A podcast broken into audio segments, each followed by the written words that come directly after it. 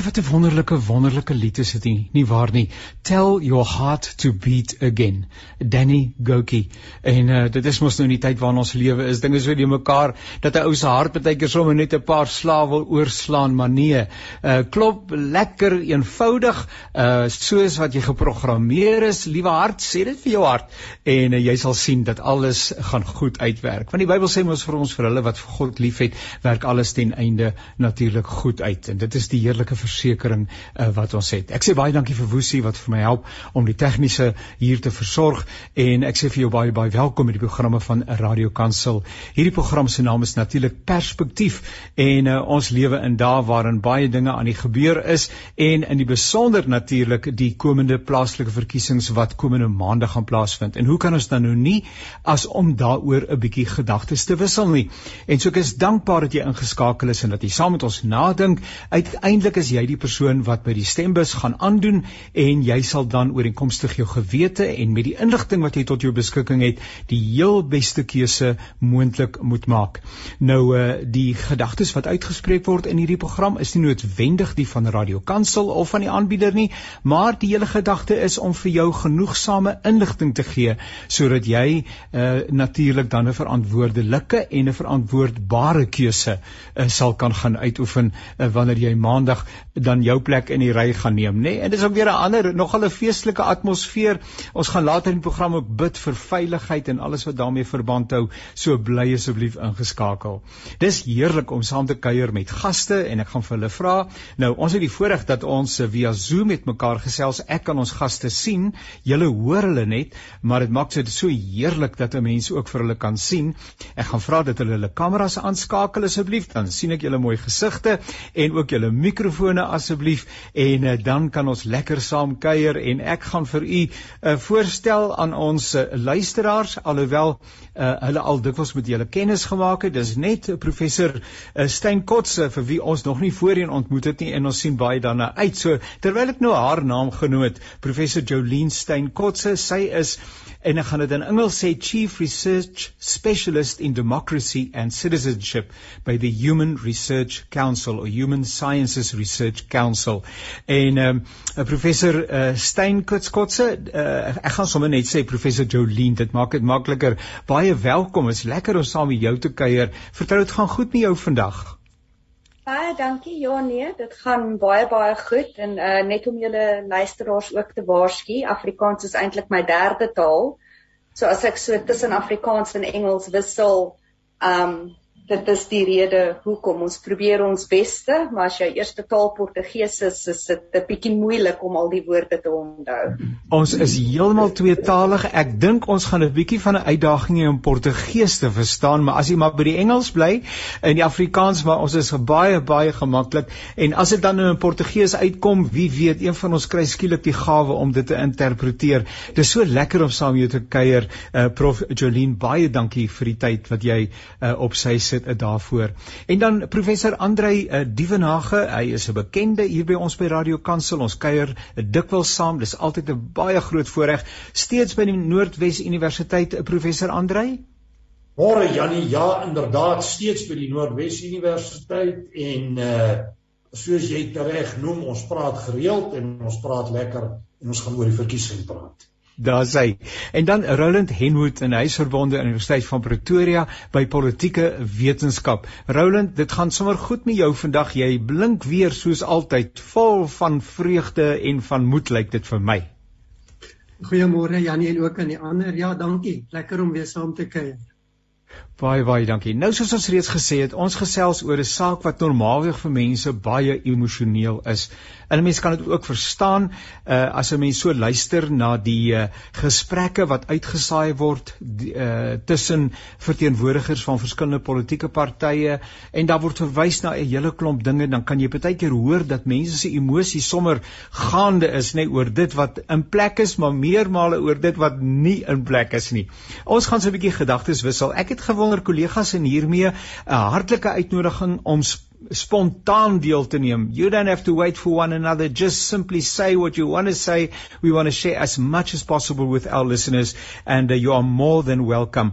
Nou die verkiesing vind eerskomende maandag plaas. En ek het sommer gewonder prof Andre Roland en uh, Jolien, uh, julle indrukke van hoe dat dinge uh, verloop uh, en verloop het die afgelope paar weke, veral in die lig daarvan dat daar op 'n stadium ernstig daaroor gedink is om die verkiesing dalk na volgende jaar te skuif en die ouens eintlik 'n baie kort periode gehad het om hulle self uh, gereed te maak vir dit wat maandag moet plaasvind. Uh, Andre begin ons begin by jou. Wat dink jy, loop dinge mooi of uh, sou ons beter kon gedoen het as ons meer tyd gehad het?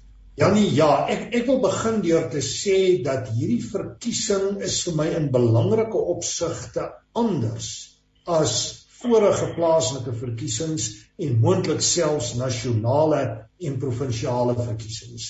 Ons kom uit 'n COVID periode met sy dinamika. Ons het 'n paar maande gelede die rebellie en die geweld gesien uit KwaZulu-Natal en dele van Gauteng. Ons sit met redelike groot finansiële ekonomiese uitdagings. Partye voer 'n moeilike opdraande stryd in sover dit geld betref. Ons het die hele dinamiek gesien rondom die ANC lyste, besluite van die konstitusionele hof. En soos jy tereg opmerk, dis 'n baie kort tyd vir partye om te organiseer en te mobiliseer. En op hierdie stadium is die aanduidings daar dat die registrasiesyfers veral by die jeug redelik laag is. Nou die vraag natuurlik is wat gaan hierdie veranderlikes veroorsaak? Wat gaan dit maak in terme van die uitkoms van die verkiesing? Maar daaroor sal ons praat. Ek dink ons is by 'n baie interessante punt in ons geskiedenis, ook wat die demokrasie en die konsolidasie van ons demokrasie betref. En hier lees ek nie net die verkiesing nie, maar ek lees ook goed soos die onafhanklikheid en die oppergesag van die reg. Ek kyk na 'n staatkundige bedeling wat voor ernstige krisisse te staan gekom het. So dis 'n paar breë indrukke 'n paar dae voordat ons in 'n plaaslike verkiesing ingaan. Prof Jolene, your uh, thoughts, how's, how, how has things developed over the past couple of weeks? Are you surprised? It was a short period, but I do see many placards and posters and stuff here in my own area. I wonder what your your uh, ideas are in this regard. You know, I think when we start looking kind of at the broader context of in which this particular local government election is happening, you know, as Professor Divanach has highlighted, we've had COVID, we've seen economic recession, life in general. Um, I think for the ordinary citizen is getting quite hard, but it is not something I would also say that is, you know, a uniquely South African experience. I think if you cast your eye more globally, mm-hmm. um, and South Africa has not been immune to this trend, there is kind of this almost autocratization, this decline of democracy, this lack of democratic satisfaction, economic satisfaction. Um, you know, and we kind of reflect on our own um, on our own citizens. Our South African Social Attitude Survey, which is done every year, it's a nationally uh, representative survey, yes. shows that the majority of South Africans are inherently dissatisfied with the direction the country is going in. Um, democratic dissatisfaction levels are very high. Economic dissatisfaction levels are very high. And then coupled with that, that of course translates into almost this view of, you know, why must I go and vote? Things yeah. don't necessarily yeah. get better. Um, and that view is also held by a large percentage of the population. Ironically enough, even though um, almost two thirds of South Africans believe they do have a strong civic duty to vote.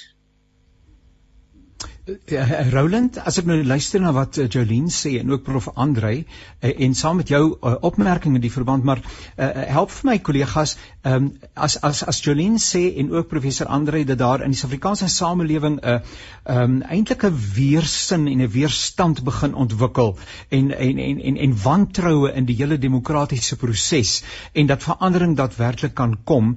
Um, 'n mens is geneig baie keer om van een politieke groepering te praat wanneer jy verwyd. Maar moet 'n ou nie die verwyd voor die totale politieke bestel in Suid-Afrika kom plaas en sê dat polities stel politieke partye uh in die mate waarin hulle inspraak het en 'n verandering kan maak. Die hele politieke stelsel in Suid-Afrika is op die oomblik eintlik ingedrang en is uiters onbevredigend. Roland Ek wil aansluit by wat Jolien gesê het en en dis vir my baie belangrik voordat ons na Suid-Afrika kyk en dit is na die globale konteks.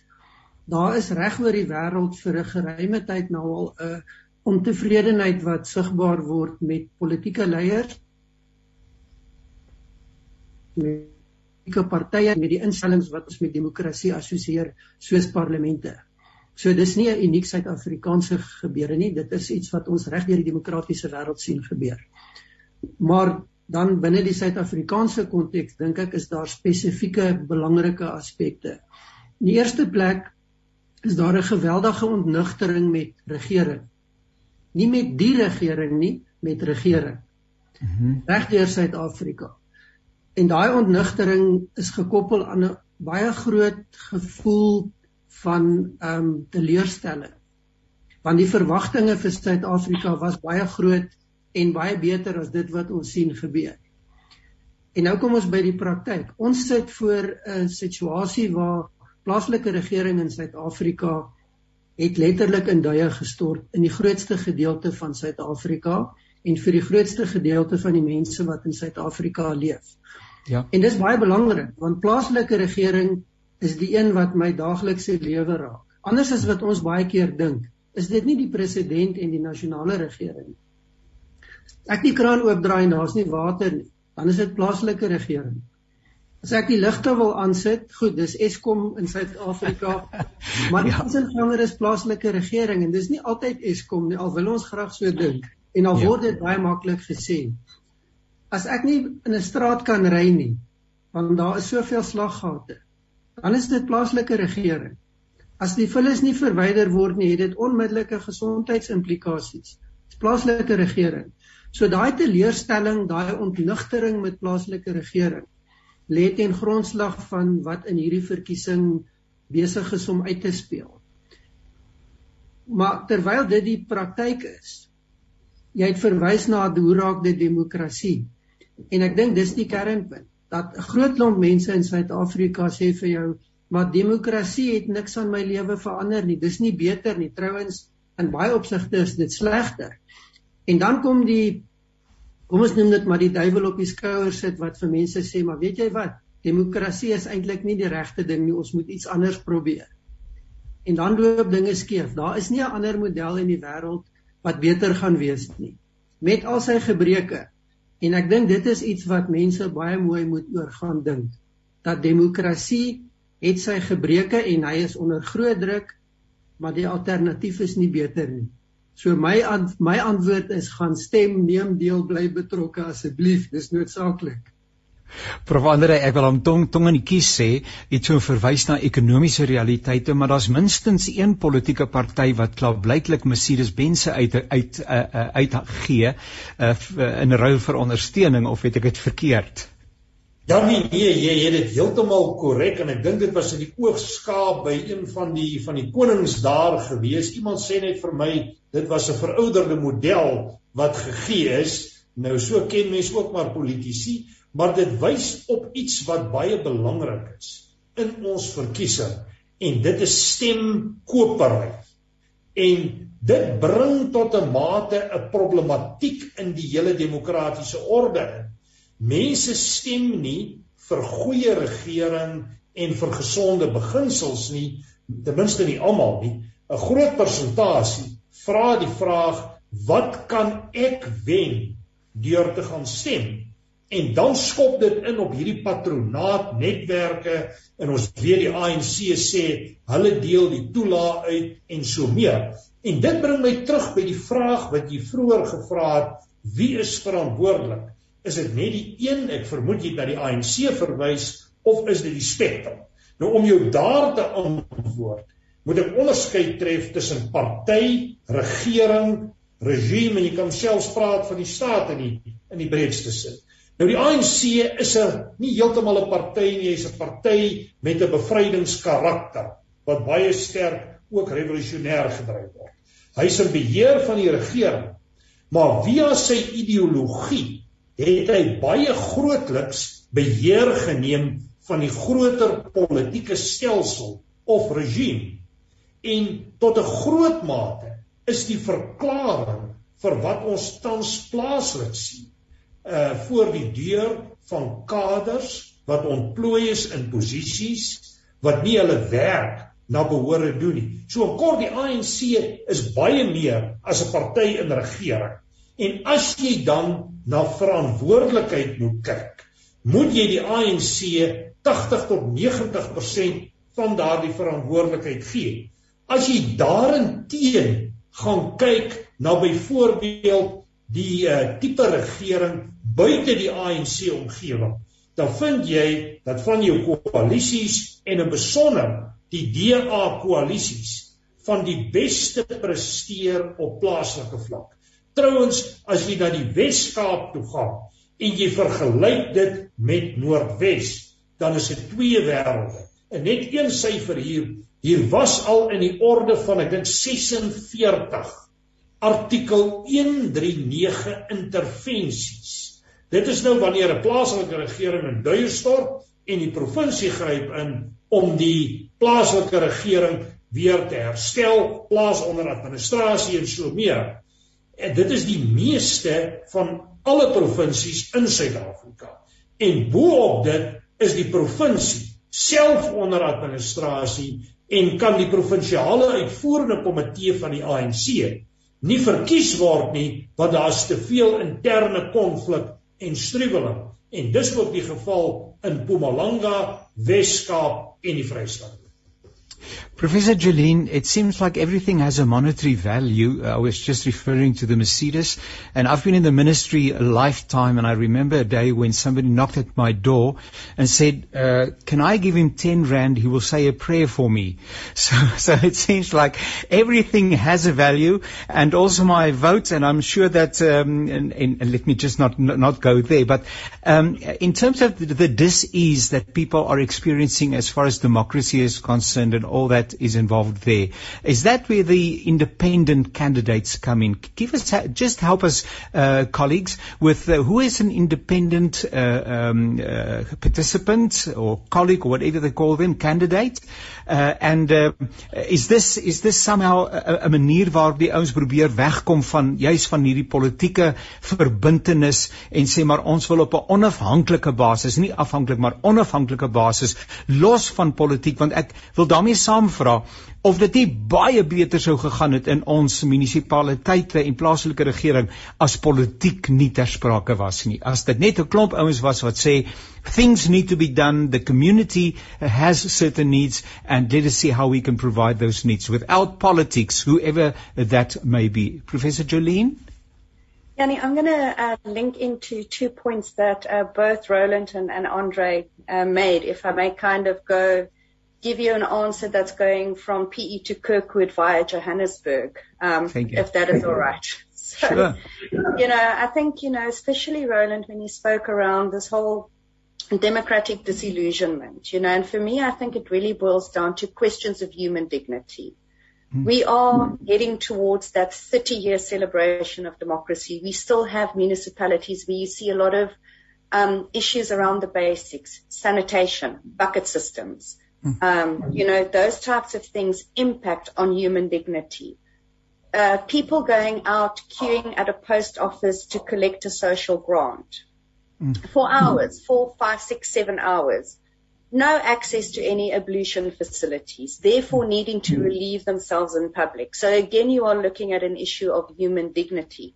And when you start reverting that back towards kind of that local government level, um, I think this is where independent candidates, smaller parties, and even your bigger parties are really not innovative um, in their thinking. You know, you take a basic issue like ablution facilities for people collecting social grants. If I was an independent candidate or a smaller party, I would have tried to contact private companies to see if they would be willing to do- donate portable facilities, real impact on human dignity that people at the end of the day would would feel. Um, independent candidates, of course, are there to address or how can I say have more influence at the ward level where they are seeking representation, where they are seeking influence. So again, that very localized level. Um, you know, it's interesting. I drive around and I see all the election posters on lampposts everywhere, but most of the lights don't work. Um, and that is a security issue. And then you take it into a township settlement where you've got high rates of gangsterism, uh, you've got high rates of gender-based violence. The lack of lighting then becomes a gender-based issue as well as a security issue. Um, and I think for me, you know, independent candidates are trying to address those localized issues on the one hand. But on the other hand, you find your bigger political parties coming with these grand plans around job creation, safety and security, uh, water scarcity in the Eastern Cape. Um, and then, of course, we start looking at coalitions. And I differ a little bit from, from Andre's viewpoint around coalition politics because I'm from the Gqeberha area. And of course, our coalition government was a spectacular political theatre. Um, and most people may be aware, of course, that it also ended in one councillor hitting another councillor with a water jug over their head. Um, and as a result of that, they are no longer allowed to use any glasses, but actually use plastic uh, cups and, and jugs um, as, as a direct consequence of that. But the administrative instability that we have seen in a municipality like Nelson Mandela Bay is not just related to the coalition environment. It actually goes back way further to the ANC factional politics that played out 2011 um, even further, 2007 with the infamous Polokwane conference. So, you know, I think political parties really need to start having those conversations around who's going to work with who, how are we going to work together, what is our developmental agenda going to be. And those conversations can't happen at a national level. It actually needs to happen at a local level and not just amongst political parties, but with the electorate as well. Ekskuus kollegas, ek kan gerus inkom. Ek ek wil net ja. aansluit by dit wat Jolien gesê het, as ek vinnig mag sê dat ehm um, ek, ek luister ver oggend en as ek dit reg het, uh, was dit 'n uitsending uh, tussen uh, deelnemers van verskillende politieke partye in in die Solplaatjie uh, omgewing. Ehm um, wanneer die omstandighede waaronder mense lewe beskryf word, ons stig dit nou ons woon gelukkig nie daar nie, uh, maar om te dink dat ander mense onder sulke omstandighede moet lewe, dan voel dit vir my baie keer asof daar en ek praat generies en veralgemeenend, maar asof daar in Suid-Afrika 'n totale disregard for human humanity and for for for, for human dignity is. Ehm um, dit is asof daar 'n disrespect is. As ek dink aan eh, put toilette uh en die bykans 4000 dink ek wat daar ek het nou in die onlangse verlede bietjie nagelees. Uh dan is dit 'n uh, dit is asof asof die waarde van mense hoegenaamd nie in ag geneem word nie en dit is asof Suid-Afrika wat dit betref regtig by 'n laagtepunt is. En nou kan ek dan nou aansluit want dienslewering was die een saak waaroor almal gepraat het en dit was die een saak waaroor almal beloftes gemaak het. Roland, dink jy dat gaan enigiets betekenisvol verander of is daar ander 'n ander dinamiek wat aangespreek sal moet word en al hierdie is net vertoning uh maar aan die einde van die dag gaan daar eintlik niks daarvan teregkom nie. Ek dink ons hoop altyd daar gaan iets van kom. Ehm um, maar daar's vir my 'n paar aspekte wat van belang is. As ons gaan kyk na die veldtog wat is 'n kort veldtog, maar daar's tog 'n paar interessante eienskappe van hierdie veldtog. Die een ding wat bevestig van die verlede en wat herhaal is dat die groot partye nasionale politiek bedryf. Nou dit pas natuurlik byvoorbeeld die ANC want dan word die aandag weggelei van sy klaaglike mislukking op plaaslike vlak. Maar so gaan dit maar deur die hele lot wat op die nasionale vlak betrokke is. Daar's baie min aandag gegee aan die werklike kwessies, die lewenskwessies. En dit is waaroor hierdie verkiesing eintlik gaan. Dit sê nie na, die die plaaslike regerings kan die groot nasionale kwessies oplos nie. Maar hulle kan die lewenskwessies definitief op 'n ander manier hanteer en beter hanteer. En dit geld regdeur Suid-Afrika. Ons moet ook versigtig wees om 'n vereenvoudigde beeld te skep van die DA regeer goed in die Wes-Kaap en die ANC regeer sleg in die res van die land. Daar's ander kwessies wat regdeur Suid-Afrika aandag moet kry wat nie genoeg aandag kry nie. En dit is hier waar onafhanklike kandidate en groeperinge belangrik kan wees in hierdie verkiesing. En ek sê die klem op kan want ons weet nie wat gaan gebeur nie. Maar ons sien interessante nuwe goed gebeur. Nommer 1 die geweldige toename in onafhanklike kandidate. Dit kan goed wees. Ons het darm gesien dat party van die mense nie heeltemal so eties is nie. Hulle tree in eie belang op. Dit kan weer gebeur. Maar wat vir my belangrik en interessant is in hierdie verkiesing is die feit dat ons sien dat onafhanklike groeperinge begin organiseer om saam te werk. Ehm um, daar's goeie voorbeelde in die Noordwes, daar's baie interessante voorbeelde in die Vrystaat waar groeperinge begin sê maar ons het 'n gemeenskaplike belang as gemeenskap. Ons moet nou iets begin doen en ek wil baie graag sien ek ek sien nogal opgewonde uit oor die moontlikhede wat dit bied indien hierdie groeperinge suksesvol kan wees want die debat en die fokus moet verander. Nou moet jy praat. Maar daar's 'n belangrike ander punt wat hier ter sprake kom en dit is dat ons moet nie net fokus op die verkiesing nie. Dis die eerste stap. Kiesers, burgers, inwoners moet betrokke bly na die verkiesing want dit is waar jou raadslede op hulle tone gehou word. Dit is waar aanspreeklikheid gevestig word. Dit help nie om te sê ons het nou gestem en nou klaar ons tot die volgende verkiesing oor 5 jaar nie. Dis hoekom baie van hierdie goed skeefloop. Gemeenskappe moet betrokke bly en moet aanhou druk plaas en moet hulle eie belange beskerm en verdedig en bevorder.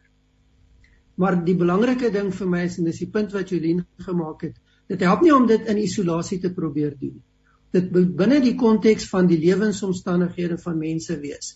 En ons is besig om 'n punt in Suid-Afrika te bereik waar niemand se lewensomstandighede meer 'n gegewe is nie, want die plaaslike regerings in eenstorting is te groot en is besig om al hoe vinniger plaas te vind.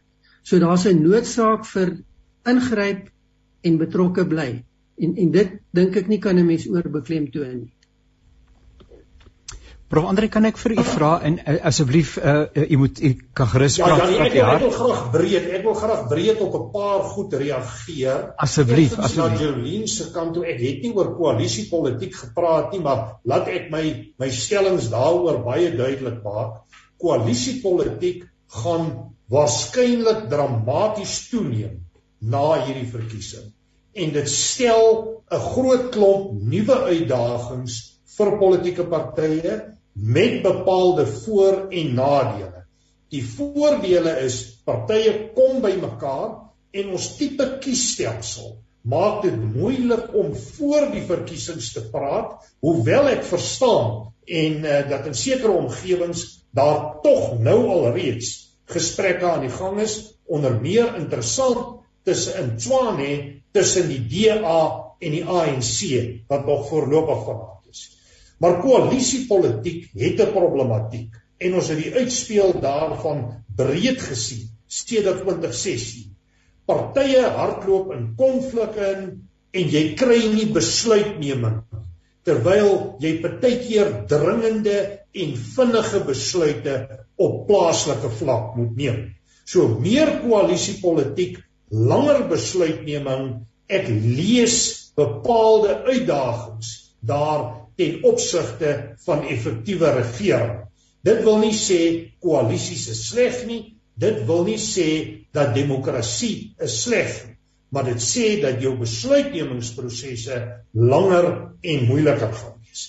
Ander aspek waarop ek graag wil reflekteer, dit is nie outomaties dat demokrasie en die regte waarop jy kan aanspraak maak binne 'n demokratiese konteks gelyk is aan hoë lewensstandaarde, 'n goeie morele orde en so meer nie. Mense verwag baie keer as jy in 'n demokrasie is en jy het die reg om te stem, dan moet al hierdie goed jou outomaties toegevoeg word. My kyk op 'n demokrasie is daar baie anderster. Demokrasie in die politieke sin bied aan jou die geleentheid om mense in plek aan te stel om in terme van 'n stel waardes vir jou beter regering te kan verseker.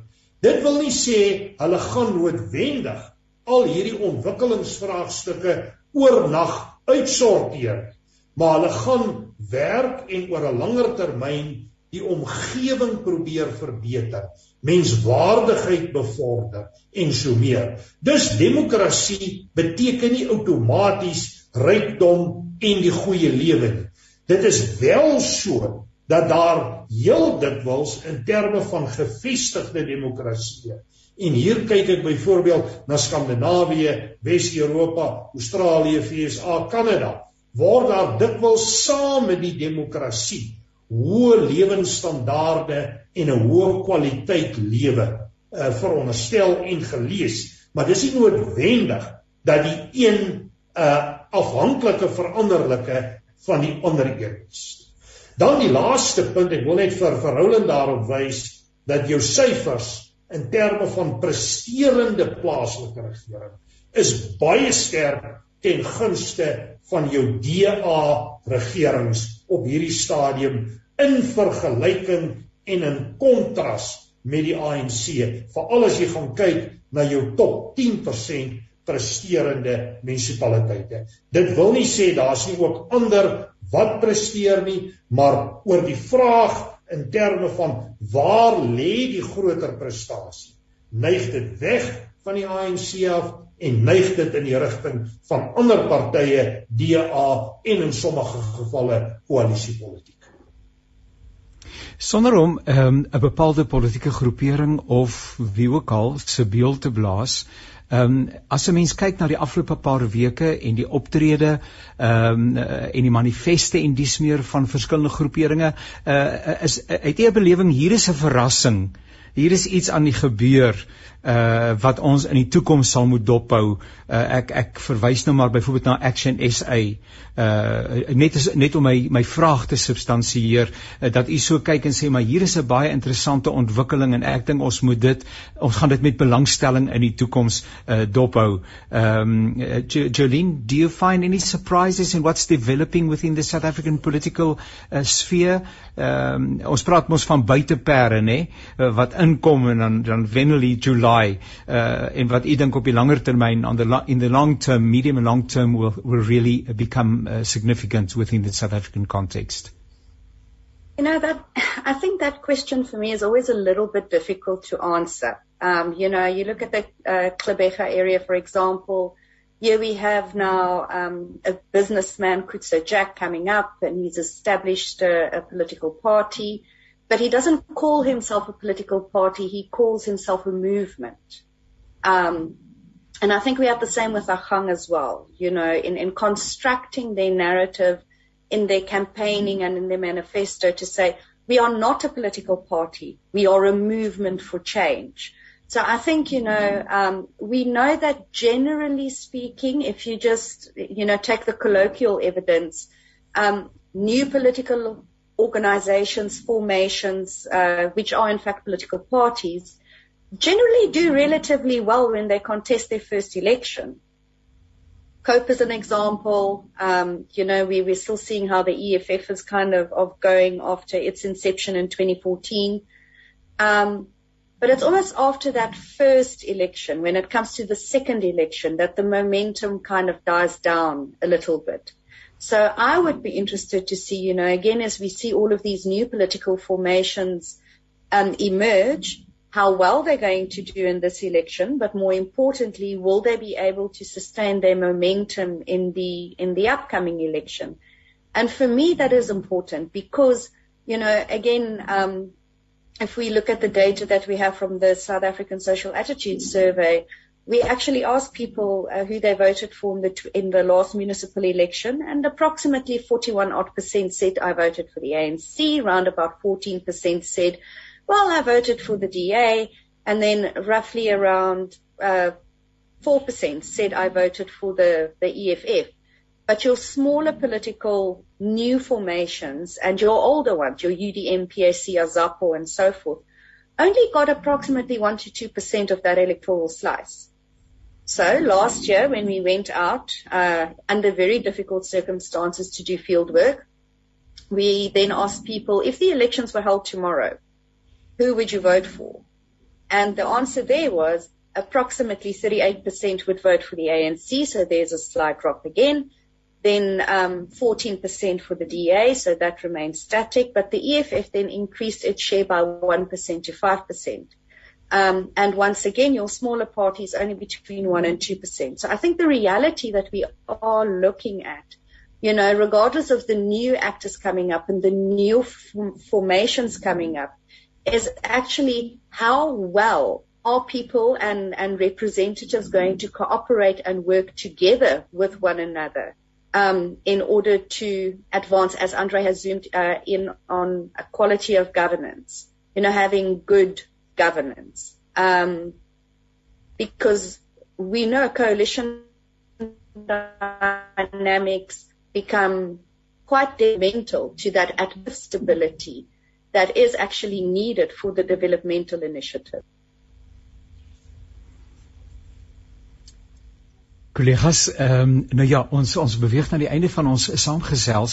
Uh, ek wou vir u op 'n punt van inligting gevra het, maar kan ek vir 'n oombliekie net 'n interessante uh, verskynsel wat ek opmerk, maar dis dalk net lokaal en ek wil vir u vra daaroor Prof Andre en Roland ook.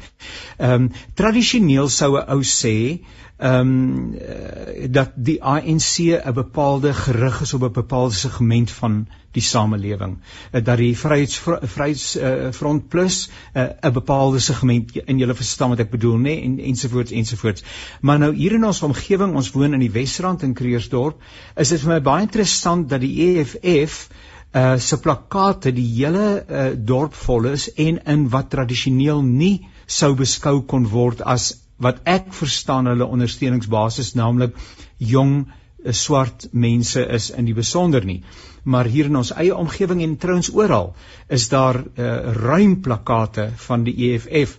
Ehm um, is dit 'n dink jy daar's 'n fokusverandering? Ek het ook in die onlangse verlede gehoor dat meneer Malema sê ons het nooit gesê ons gaan uh, wegvat by uh, byvoorbeeld die wit mense en gee vir ander mense. Hy het dit 'n bietjie so probeer motiveer. Is daar is is dit om uh, miskien om 'n bietjie meer vriendelikheid en toegeneentheid te bewerk? Het het iets daarvan opgetel uh, aan Prof Andrei uh, Roland? Jannie, uh, ja, ek moet uh, sê om nou een vraag vinnig te antwoord, dan sal ek bietjie breër, breër perspektiewe trek. Die EFF is ongetwyfeld besig met 'n baie baie sterk verkiesingskampanje.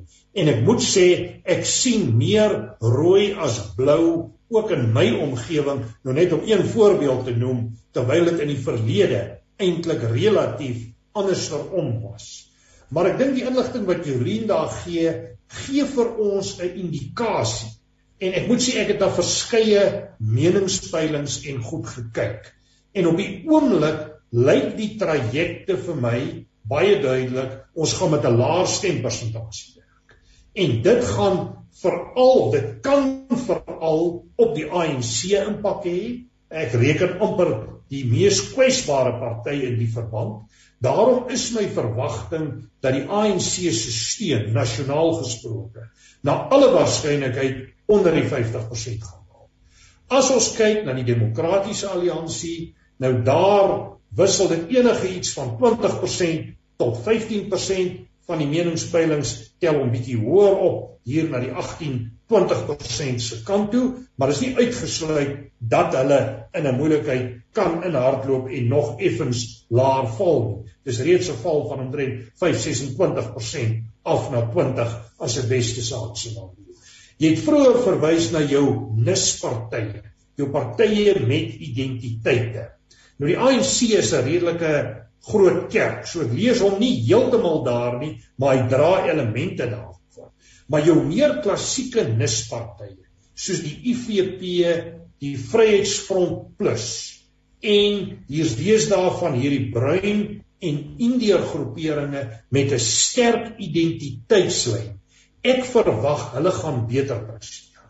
Ek verwag ook die groeperinge wat ek as onafhanklik sien.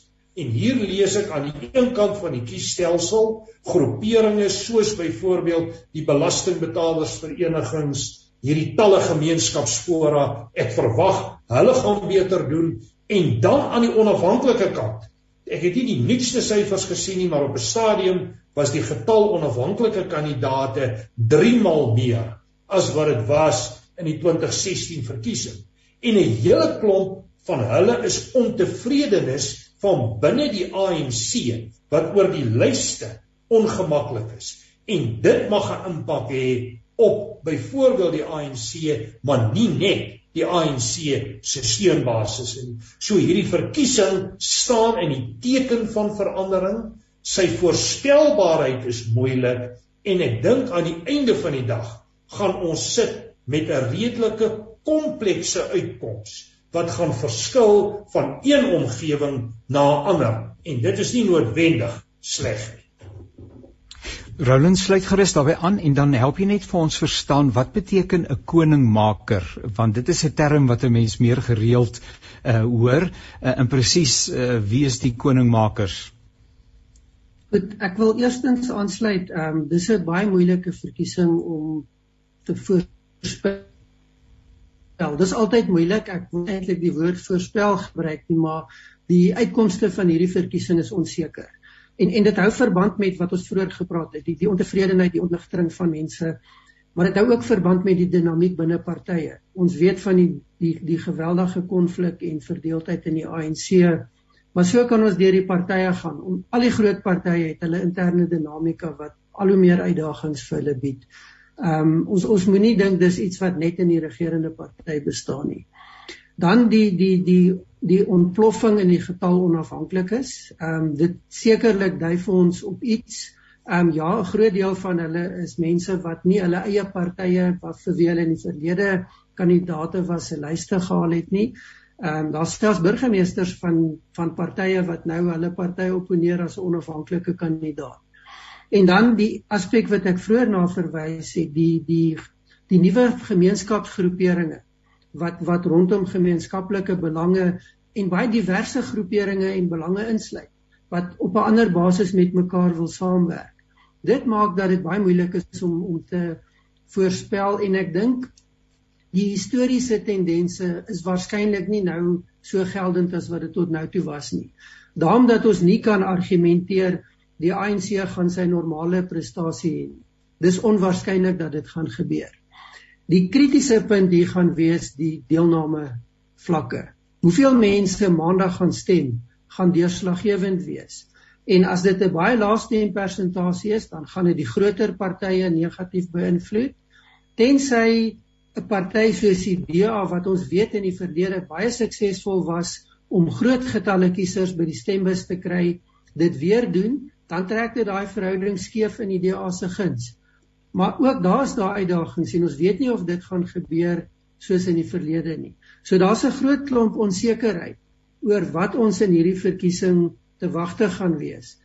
En dit bring dan die kwessie van die koningmakers na vore, want wat dit in feite beteken is dat waar jy nie 'n volstrekte meerderheid of 'n dominante party het soos wat ons in die verlede telkens gehad het nie waar jy koalisies kry of kleiner groeperinge wat genoeg stemme kry om 'n invloed te hê is dat hierdie een of selfs twee kandidate in 'n plaaslike regering effektief gaan besluit watter is die regerende party. Nou dis nie nuut nie gaan kyk terug in die geskiedenis van Kanaland munisipaliteit 'n baie goeie voorbeeld. Ehm um, Juline het verwys na Kabera waar dit ook gebeur het waar 'n enkele kandidaat of twee mense die magsbalans verander tussen die groter partye. Dis die ANC en sy vennote of die DA en sy vennote. Daai koningsmakers word al hoe belangriker want hulle besluit waar lê die meerderheid stemme En dit kan goed wees want dit beteken die groter partye kan nie maak en breek soos wat hulle tot nou toe gedoen het nie. Maar daar's ook 'n angel hierin. En dit is wat ons wel gesien het. Daar hierdie enkele persoon wat die balans hou in eie belang begin optree en regerings maak en breek.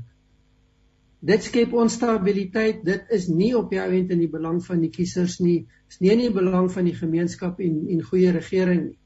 Dit is uit en uit 'n persoonlike belang wat gedien word. En ons moenie ons blind hou daarvoor nie. Ehm um, daardeur sê ek nie al hierdie onafhanklike en kleiner groeperinge is negatief nie. Wat ek dink belangrik is is dit is nie 'n kitsoplossing nie. Dis nie die die staffie wat ons swaai en ons toer ons probleme weg nie. Ons bly werk met mense wat op ander in eie soortige maniere optree en ons gaan dit weer hier sien. A last word from each one of you, and uh, thank you so much for your participation. Uh, I've learned a great deal, and I'm sure that our listeners has a lot of information that they can use in order to uh, to decide what they're going to do on this coming Monday. But a last word: Why should people vote? Because I'm sure that your uh, your take uh, on the whole issue would be yes, do go and vote. Uh, since many people still have the problem and the question, is it is it is it die moeite werd om te gaan stem? Uh, uh, what what will I benefit? It's just the same story. Uh, die beloftes beteken absoluut niks nie. En ek gaan nie my tyd mors nie. Ons vat nou liewer. Ek het gister gehoor een van die ministers of so het gesê as mense van hierdie naweek 'n lang naweek maak, moet hulle tog net betyds terugkom om te kom stem. So mense sê maar wonderlik ons nog 'n vakansiedag, kom ons maak daarvan 'n lang naweek. Maar aan die einde van die dag, uh maandag is op sy gesit sodat mense die geleentheid sal hê om te gaan stem. So Jeline starting with you, why should people vote on Monday? Well, you know, I think the always the more obvious reason is is that your vote matters, your vote counts. It's a chance to have your your voice heard. Um, but for me, it's interesting because I've been conducting quite a lot of interviews with uh, youth um, spe- specifically youth aged 18 to 24, you know, so that group that might be going out and voting yes. for the first time. And there's an interesting narrative that's emerging there that, you know, even though people might not see there's much value in, in, in the vote, it's almost like the vote is a form of empowerment. You know, that I went out, I voted, I kind of made my voice heard and I made my choice interestingly for the 18 year olds, independent of who my parents would have voted for. Mm-hmm, um, yeah. You know, so I think that that is really something that stands out. It does become a, a form of empowerment, possibly at a personal level. Um, you know, so I think for me that was quite beautiful that's emerging in the in the data. Professor Jolene Stein Kotze, thank you so much for your participation and hope we can do the same in the near future. Uh Roland, hoekom moet mense gaan stem? Amper vra ek jou vir wie gaan jy stem? Maar nee, ek kan nie dit vir vra nie, maar hoekom sou mense uh dan dit sterk moet oorweeg om te gaan stem? Ek dink daar's 'n klomp redes. Simbolies is dit my kans om deel te neem, is my kans en ek dink Jolene raak 'n belangrike punt aan om my onafhanklikheid, my verantwoordelikheid uit te leef my burgerskap uit te leef en dit is simbolies belangrik want dit is die plek waar alle Suid-Afrikaners gelyk is. Die oomblik as jy daai stem uitbring, is almal gelyk. Jou stem tel eweveel. En dis simbolies 'n baie belangrike boodskap wat dit vir mense in Suid-Afrika gee. Maar dan is daar die praktiese en die realiteite. Jy kies regering. Jy kies die mense wat besluite gaan neem wat jou dag tot dag lewe gaan raak vir die volgende 5 jaar op een of ander manier. Maar ek wil die punt weer herhaal. My pleidooi is dat ja, dis belangrik. Dit begin dis die formele. Maar daar moet betrokkenheid bly daarna ook. Anderster gaan hierdie stelsel nie werk nie. Dis vir my ontsettend belangrik. Dankie. Hulle Henwood en hy's verbonde met Universiteit van Pretoria Politieke Wetenskap. Die laaste woord in 'n neutedop professor Andrei uh, Dievenage, uh waarom sou mense dit sterk moet oorweeg om tog wel die eerste te gaan stem? Ja nee, ek stem saam met wat die kollegas genoem het 100% simbolies en in 'n praktiese konteks. Ek dink ons staan in 'n groter tyd van verandering, 'n tyd van rekonfigurasie van die politieke omgewing. Ek verwys partykeer daarna as 'n kantelpunt wat ek dink bereik is in terme van die groter bedeling. En dit maak dit juis belangrik. Dis eintlik 'n geleentheid om hier 'n verskil te maak. En daarom dink ek dit is so belangrik dat mense juis nou moet gaan stem. Dit help nie mense spreek konsekwent kritiek uit teen jou omgewing en teen die wyse hoe jy bestuur word, maar as jy die geleentheid het om te kan 'n keuse maak, dan maak jy nie daarvan gebruik nie. En my vermoede is op hierdie stadium het die burgery en die kieserskorps groter geleenthede as in die verlede om met hulle stem te kan bydra tot konstruktiewe en positiewe verandering. 'n Kantelpunt sê professor Andre Dievenage baie baie dankie ook vir u deelname. Weer 'n keer colleagues, thank you so much. It's been wonderful having you and may you have a blessed and wonderful day and may Monday be a very fruitful day for all of us and for everybody. Uh daarmee in die einde gekom van hierdie aflewering van Perspektief. Volgende Woensdag as die Here se plan daarby is, dan kuier ons weer saam. Luister gerus na eerskomende Sondag se uitsending uh natuurlik hier by ons uh, by Radio Kansel uh, wêreld en Kaapse Kansel Saterdag waar ons ook met 'n aantal teoloë gaan gesels oor die noodsaak om deel te neem aan die verrigtinge van die 1ste in November. Seënwense tot 'n volgende keer alles wat mooi is.